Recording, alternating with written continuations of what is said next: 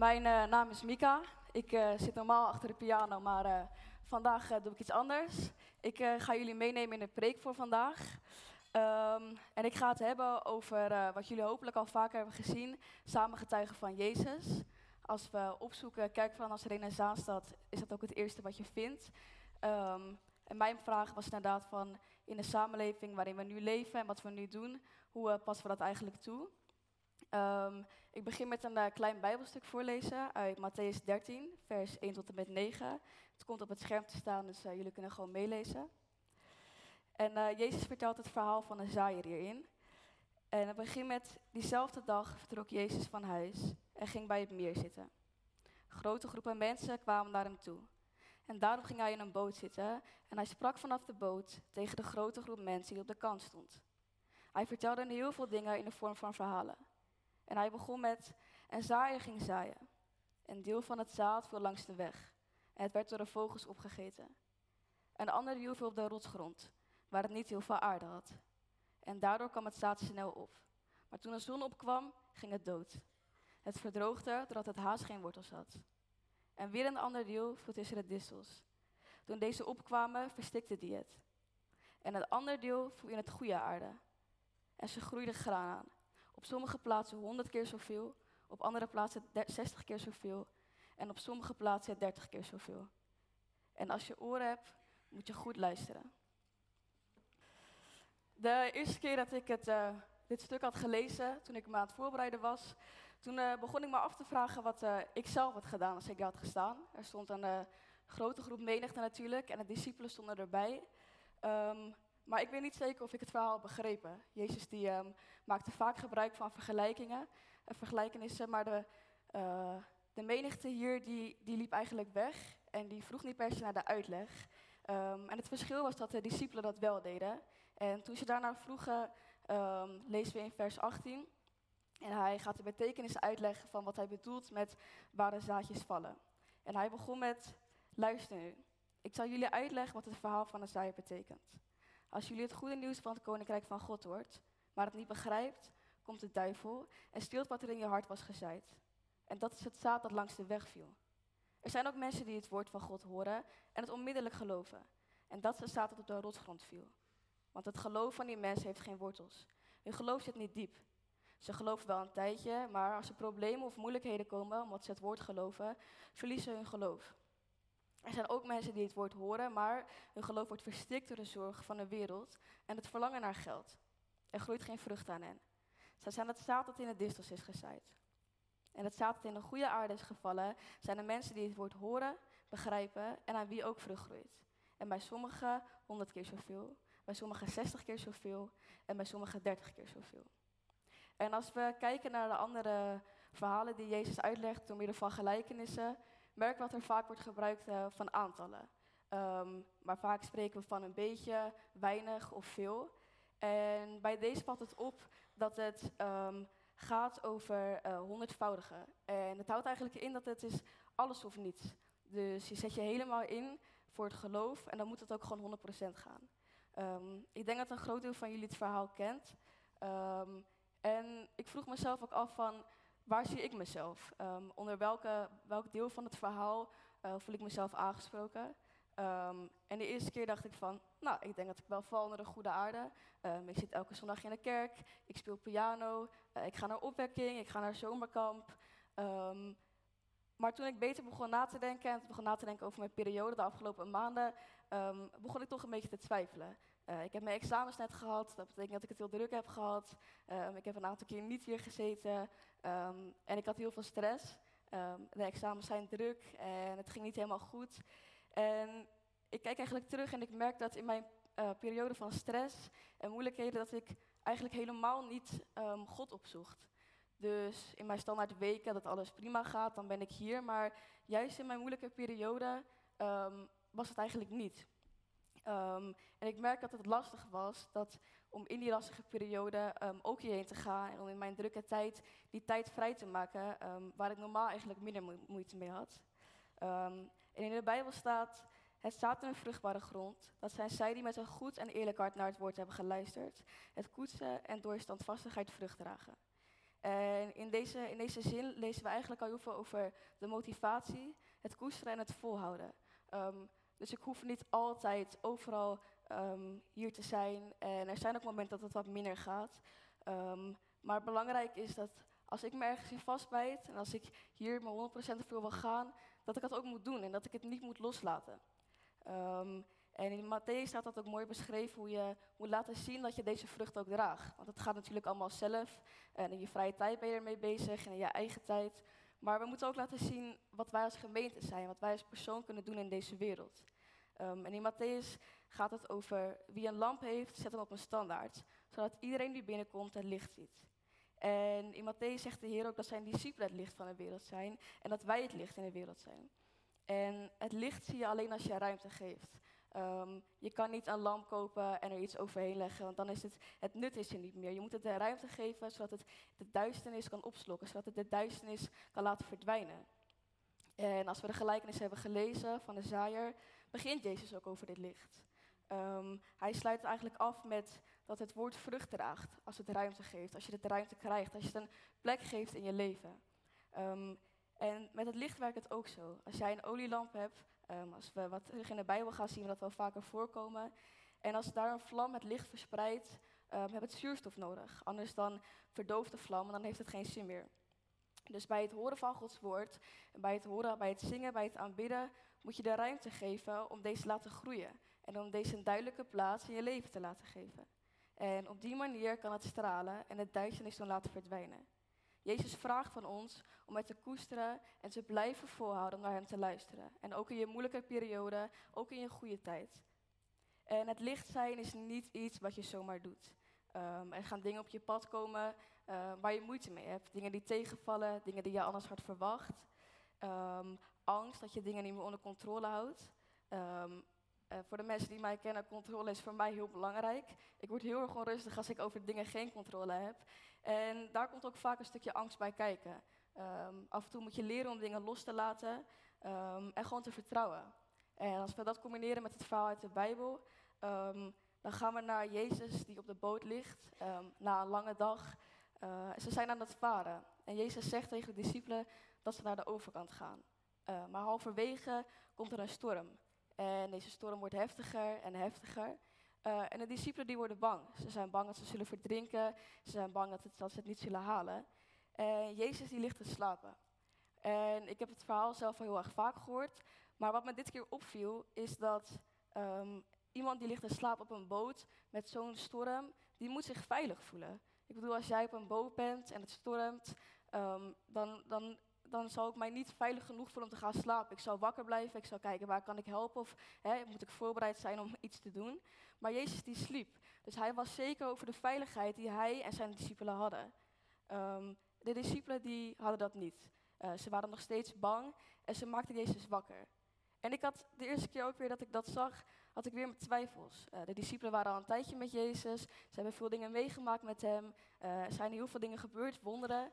En ik vroeg me af, Um, waarom ze hem nog wakker maakte, waarom ze hem niet vertrouwde. Um, maar als ik dan weer kijk naar mezelf, dan durf ik ook niet te zeggen dat ik hem niet had wakker gemaakt. Um, en ik denk dat ik hem iets verwijtend had wakker gemaakt van, waarom ben je aan het slapen? Ik bedoel, het stormt, uh, we gaan zinken, paniek zeg maar.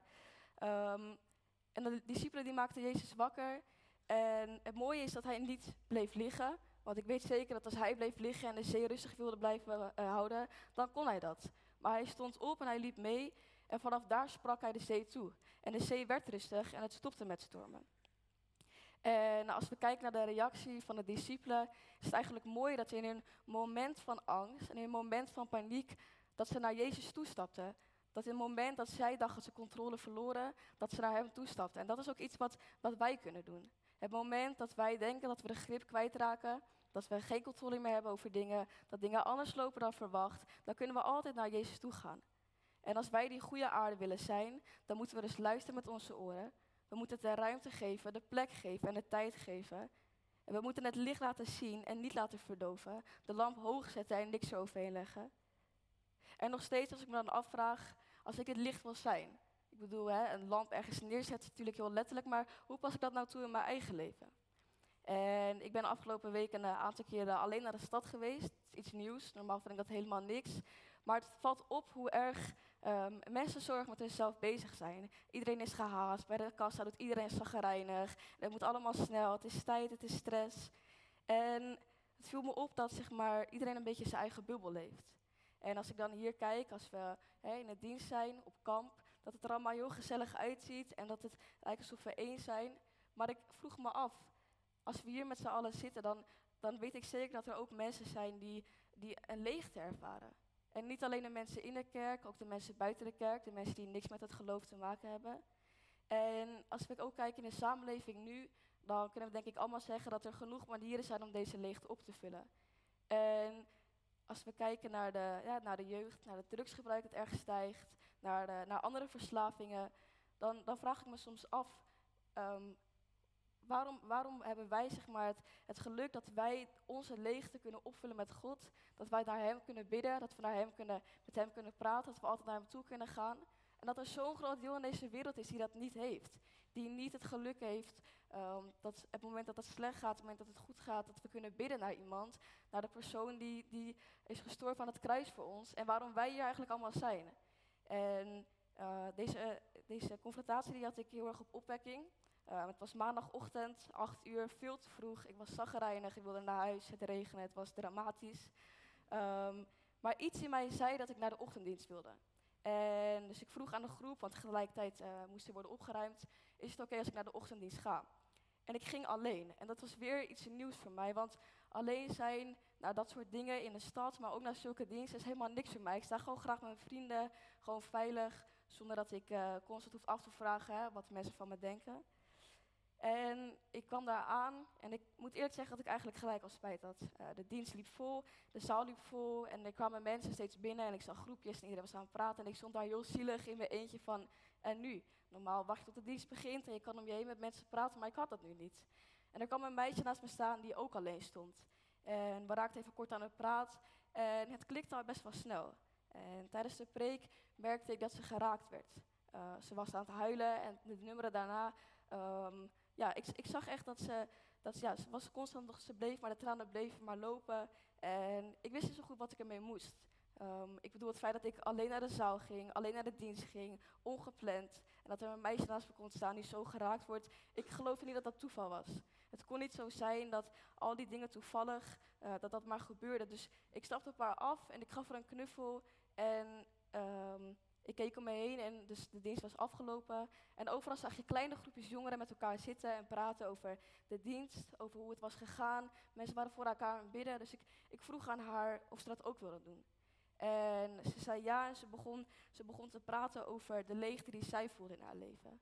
Ze was meegegaan met haar ouders, ze had nooit iets met God te maken gehad. En ze begon te praten over dat zij haar leegte opvulde met zelfbeschadiging. En op dat moment, als ik daar zat, toen kwam zo erg die realisatie van het feit dat zij, ze was 17 jaar, ze heeft nooit iets met God te maken gehad. Ze heeft, nooit, ze heeft geen Bijbel gelezen, geen, nooit gebeden, nooit in de kerk geweest. En het feit dat zij een leegte moet opvullen met zoiets, in plaats van met iets waar wij allemaal gebruik van kunnen maken, met het, het mooiste, het beste waarmee we zo'n leegte kunnen opvullen, dat had zij niet. En het was, het was lastig om, om haar um, wijs te maken dat er, dat er iets anders was om die leegte op te vullen. En ze zei dat ze tijdens deze dienst die leegte niet voelde. Dat ze die leegte op was gevuld door iets wat ze niet begreep. En het was zo mooi om te zien dat het moment dat ze over haar probleem aan het praten was, dat ze haar ogen echt vol pijn stonden. Maar het moment dat ze begon te praten over de leegte, dat, dat die weg was, haar ogen waren echt aan het schitteren en ze was aan het lachen door haar tranen heen. Um, we hebben nog een tijdje gepraat en ik liep daarna terug naar de tent. En het, het, het regende echt heel hard, en, maar ik had er niks van door. Ik was alleen maar aan het afvragen zo'n kwetsbare meid die niet de kans heeft om, om Gods woord te horen, om Jezus liefde te voelen, om te kunnen doen wat wij op zo'n dienst kunnen doen. En het maakt me aan de ene kant boos dat er zoveel mensen zijn in deze wereld die die legers opvullen, die niet de liefde kunnen proeven waar wij, waar wij, dat, wij, waar wij dat wel proeven. En het was een confrontatie dat ik door mijn geloof de hoop en de toekomst had met Jezus. En dat zij dat niet had. En als we weer kijken in de Bijbel, in het eerste boek, Genesis, dan lezen we dat wij zijn gemaakt naar Gods beeld en naar zijn gelijkenis. En er staat ook dat wij de opdracht hebben om te heersen en te regeren over de aarde en hem daarin te weerspiegelen, om te laten zien wie hij is. En ik denk dat, en ik geloof dat ook iedereen in deze zaal en alle mensen buiten u, dat iedereen zijn eigen manier heeft. Dat iedereen zijn eigen kracht heeft, talent heeft gekregen om hem te weerspiegelen. En dan in allemaal verschillende manieren. Ehm, een mooi voorbeeld met je naaste liefhebben zien we in een andere gelijkenis met de Samaritaan. Een man ligt op de grond, uh, hij is in elkaar geslagen en er lopen twee mannen langs die met een grote boog om hem heen lopen. En ze willen niet aan hem zitten, ze willen geen tijd kwijt zijn aan hem, ze vinden het vies. Ze sluiten hun hart af en ze negeren wat God tegen hen zegt. En ze gaan met een boog om hem heen. En een Samaritaan, die qua afkomst een afkeer heeft tegen de man die daar ligt, die helpt hem. Die luistert naar Gods woord en die weerspiegelt Jezus en die heeft zijn laatste lief. En hij neemt zijn tijd en hij helpt hem. En ook wij kunnen dat doen. En ondanks dat wij in een samenleving leven die best wel, ja, maar, we hebben, als christen is het best wel lastig in de periode. Um, er worden veel dingen gezegd over ons, er worden conclusies getrokken. Vaak als ik tegen mensen zeg dat ik christelijk ben, dan krijg ik allemaal dingen naar mijn hoofd gegooid. Oh, dus je mag dit niet, oh, je mag dat niet, oh, dus je moet elke zondag naar de kerk. En ik denk dat het, um, het mooie is dat wij kunnen laten zien dat het helemaal niet zo is. Dat het helemaal niet allemaal verplichtingen zijn en regels die we maar moeten doen, maar dat wij een God hebben die, die ons heeft gemaakt. En dat wij hier elke dag opnieuw hem daarvoor kunnen bedanken. En dat hij van ons vraagt om, zijn, uh, om, hem uh, te laten zien in de wereld. En op opwekking had ik een um, bandje gekocht um, waarop stond um, wat moet Jezus doen. En de persoon met wie ik toen was, die legde mij uit wat uh, zij wordt had geleerd. Als jij je naaste lief wilt hebben, dan moet je niet kijken door je menselijke ogen, maar door je geestelijke ogen. En op die manier gaan wij dingen zien zoals Jezus ziet. En dat bandje is een constante reminder van, hé, hey, um, als ik met een groepje mensen ben, hè, we hebben het over iemand, we zijn aan het roddelen, dit, dit is niet wat hoort. En je hoeft geen hele preek te geven over waarom het fout is, het mag, maar het zijn de kleine dingen die je kan aanpassen om gewoon even een stapje terug te doen. Om door Jezus' ogen te kijken hoe hij zal gaan reageren en dat jij zijn liefde draagt. En dat mensen dat ook mogen gaan zien. Dat als jij vertelt van um, dat je misschien christelijk bent, dat mensen misschien een keertje iets tegen je zeggen, ja, dat dacht ik al wel. Want ik denk dat dat voor mij misschien wel een van de grootste complimenten zal zijn, dat mensen in mij kunnen zien dat ik geloof in een God die, die zo ontzettend goed is. En dat zij dat kunnen zien aan mijn gedrag, aan hoe ik doe, aan hoe ik reageer op mensen. En ik, en ik hoop dat jullie dat ook hebben. En ik, um, als je Gods woord vertegenwoordigt, uh, met de mensen om je heen, je vrienden, je klas, je school, je opleiding, werk, noem maar op, dan kan dat lastig zijn. Want nog steeds zijn er mensen die een mening hebben en je zal angst voelen. En net zoals Petrus. Op het moment dat hij, um, dat Jezus aan hem vroeg of hij op het water wilde staan, ging hij. En het kinderlied dat ik uh, vroeger altijd heel mooi vond, uh, dat zegt stap uit je boot, durf op water te lopen, vraag God om hulp en de hemel gaat open. En op het moment dat Petrus uit de boot stapte, hij was niet bang en hij vertrouwde. En hij wilde over het water lopen. Maar toen kwam de realisatie. Er is een storm aan de hand, er is wind en hij viel. En op het moment dat u Gods woord vertegenwoordigt, dat u laat zien waar u in gelooft, dan kan het zijn dat je dingen tegen gaat komen die, waar, je, waar je moeite mee hebt. Mensen om je heen, maar ook met jezelf. Dat je in problemen komt en dat je bang bent. Maar op het moment dat Petrus zonk, was Jezus daar en hij stak zijn hand uit. En daar kunnen wij altijd op vertrouwen, want het moment dat, dat het misgaat, het moment dat het goed gaat, hij is er altijd. Hij heeft altijd zijn hand uitgestoken en we kunnen altijd naar hem toe komen. En het moment dat wij samen getuigen, het moment dat wij ons licht kunnen laten zien, het moment dat we kunnen luisteren en onze oren kunnen gebruiken, het moment dat wij de goede aarde kunnen zijn, dan gaan mensen het zien. En dan gaan mensen in deze wereld die het zo nodig heeft, kunnen leren van Gods liefde, van Gods grootheid, die wij al zo hebben kunnen ervaren. De mensen die, die daar nog nooit wat van hebben gehoord, maar ook de mensen die er wel van hebben gehoord en aan het twijfelen zijn. Maar ook de mensen die hier elke week zitten, iedereen gaat het zien. En de mensen die, die kunnen daarop reageren, ze kunnen daarvan leren en we kunnen de groep groter maken en Gods grootheid daardoor ook groter maken. En we kunnen Jezus liefde geven, want er zijn zoveel mensen die zijn grootheid en zijn liefde niet kennen, maar die het zo ontzettend nodig hebben. Ieder persoon op deze aarde die het enige wat hij heeft zijn nodig heeft, is God. Het is zijn liefde, het is zijn grootheid die, die hun leven compleet zal maken. En in Matthäus 5, vers 14 staat dat wij het licht van de wereld zijn. En in Jesaja zegt ook, sta op en schitter. Verberg het licht niet, laat zien wie je bent, laat zien waar je voor staat. Dus mijn vraag aan jullie voor deze week is: durf jij te geloven dat God ieder van jullie de talent heeft gegeven om dit te doen? Durf jij te geloven dat God jou en u op een unieke manier wilt gebruiken om zijn woord te vertegenwoordigen? En als jij niet uit die boot durft te stappen, of je stapt uit de boot en je komt dingen tegen, bid tot God. Vraag mensen om hulp, want je bent niet de enige. Het is niet makkelijk om uit die boot te stappen. Het is niet makkelijk om op water te lopen. Maar je kan God om hulp vragen, want Hij zal er altijd zijn. Dus als jij uit de boot stapt en als jij Jezus liefde verspreidt, doe het. Hou, hou van de mensen om je heen, geniet ervan. Ik bedoel, het is het mooiste wat er hier bestaat. En wij mogen dat als gemeente en als kerk laten zien aan iedereen om ons heen. Um, en ik denk dat, uh, dat als we dat doen, dat de mensen om ons heen, ik geloof echt dat mensen om ons heen gaan zien. En hoe moeilijk het ook gaat zijn, ik geloof dat mensen om ons heen kunnen zien dat Gods grootheid bestaat. En de mensen die er nooit van wat hebben gehoord, dat ze dat kunnen leren. Dat mensen, dat mensen gaan zien hoe enorm groot Hij is. Wat voor wonderen Hij allemaal heeft gedaan. Wat zijn plan is met ons, voor ieder persoon uniek. En iedereen in deze zaal heeft zijn eigen talenten gekregen. Dus neem het aan en uh, amen.